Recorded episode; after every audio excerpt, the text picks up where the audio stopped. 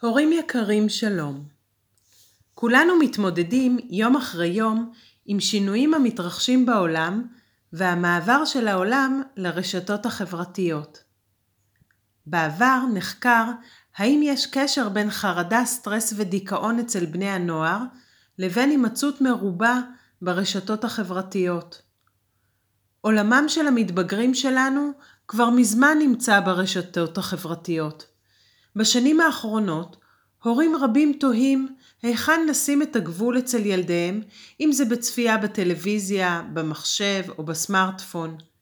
המסכים והשהות ברשת השתלטו על עולמם של בני הנוער המתבגרים, ואף לעיתים אצלנו כאנשים מבוגרים. במחקר שנעשה על הקשר בין תופעת חרדה, סטרס ודיכאון אצל מתבגרים לבין הפרעה והשהות ברשת החברתית, התמקדו בבני נוער, ונמצא כי בקרב הבנות השימוש המוגבר ברשת החברתית היה גבוה מבקרב הבנים.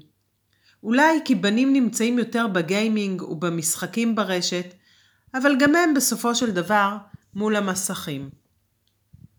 בגיל ההתבגרות, רשת האינטרנט ממלאת מקום חשוב וחלק בלתי נפרד מחיי הנוער בחברה המערבית. ילדינו הם דור הדיגיטל. לפי נתוני השימוש באינטרנט בישראל, 92% ממשתמשי הרשת הם בגילאי 12 עד 17. בואו רגע נשאל את ילדינו, כמה שעות ביום אתם מבלים מול המסכים? אני בטוחה שסכום השעות יפתיע אפילו אותם. בעבר, המועצה למניעת אובדנות בחנה גם היא את הסכנות הטמונות בשהייה ברשתות החברתיות.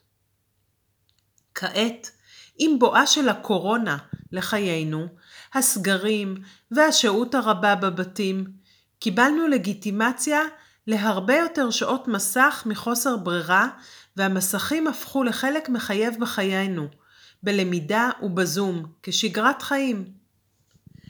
בהשערה ראשונית עולה המחשבה כי נער או נערה שנמצאים שעות רבות מול הרשתות החברתיות, צופים בחייהם המושלמים של אחרים, במראם המושלם, בהנאות ובחוויות מושלמות שמועלות ברשת, בתמונות המייצגות חוויה שעכשיו בלתי מושגת אצל אותה נערה או נער שנמצאים כעת בביתם וצריכים להתמודד עם אתגרי החיים, הלימודים מקרוב ומרחוק ושאר המטלות שנדרשות מהם. ההשערה הייתה שתחושת הפער הגדולה בין היומיום שלהם לבין הנראה על המסך עלולה להגביר אצלם תחושות של דיכאון, חרדה וסטרס. האם אין זה קושי גם אצלנו המבוגרים בחוויית הפער בין הנראה והמוצג ברשת לבין מרוץ היומיום? אני חושבת שאנחנו כהורים וכאנשים בוגרים יכולים ומסוגלים לתווך לעצמנו את הפער הזה ולשים את הגבול של הידיעה מה אמיתי ומה לא. אך האם ילדינו המתבגרים מסוגלים להבחין בזה באותו האופן? בספרות המחקרית, לפני מספר שנים, נמצא קשר בין רמת חרדה, סטרס ודיכאון לבין השימוש ברשת החברתית, ועלה צורך בתוכנית התערבות והדרכה למתבגרים. אבל היום, כשבודקים את הנושא, יש קצת שינוי. היום, כשאנחנו מתמקדים בצורך של בני הנוער בהימצאות ברשתות ובחינת הקשר לתופעות כמו דיכאון, מתגלית הבנה שונה, מהירה ומעמיקה עוד יותר לתופעה. היום נמצא כי היות והרשתות הפכו לחלק אינטגרלי מהקשרים החברתיים היום, וחלק בלתי נפרד מחיי הנוער המתבגר, מרחב הרשת יכול ומסוגל לייצר גם חוויות חיוביות, חוויות של קרבה, של תמיכה, של אכפתיות. בני הנוער נפגשים שם, מתייעצים, מחזקים קשרים חברתיים באמצעות המסכים.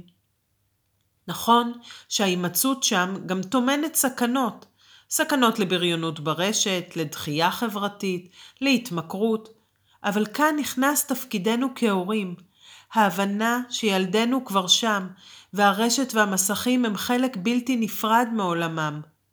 ולכן עלינו לגלות מעורבות, לפתח שיח עם ילדינו המתבגרים על השימוש הנכון והבטוח במרחבי הרשת. כאן יש חשיבות לתוכנית התערבות ואחריות הורית.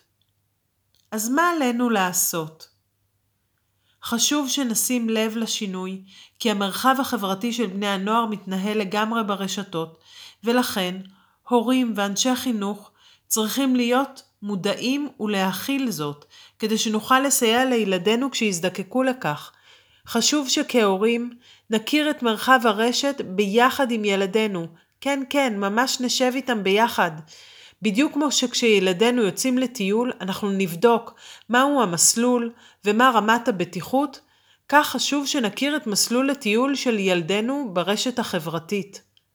במקום להיות לידם, חשוב שנהיה איתם. נכיר את המרחב בו הם מבלים שעות רבות.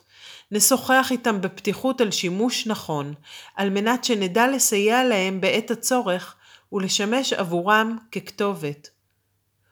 וכמו שאומרים, אם אתה לא יכול להילחם בזה, תצטרף לזה. אז הורים יקרים, שיהיה לכולנו קיץ מענה, קל ובטוח עם ילדינו.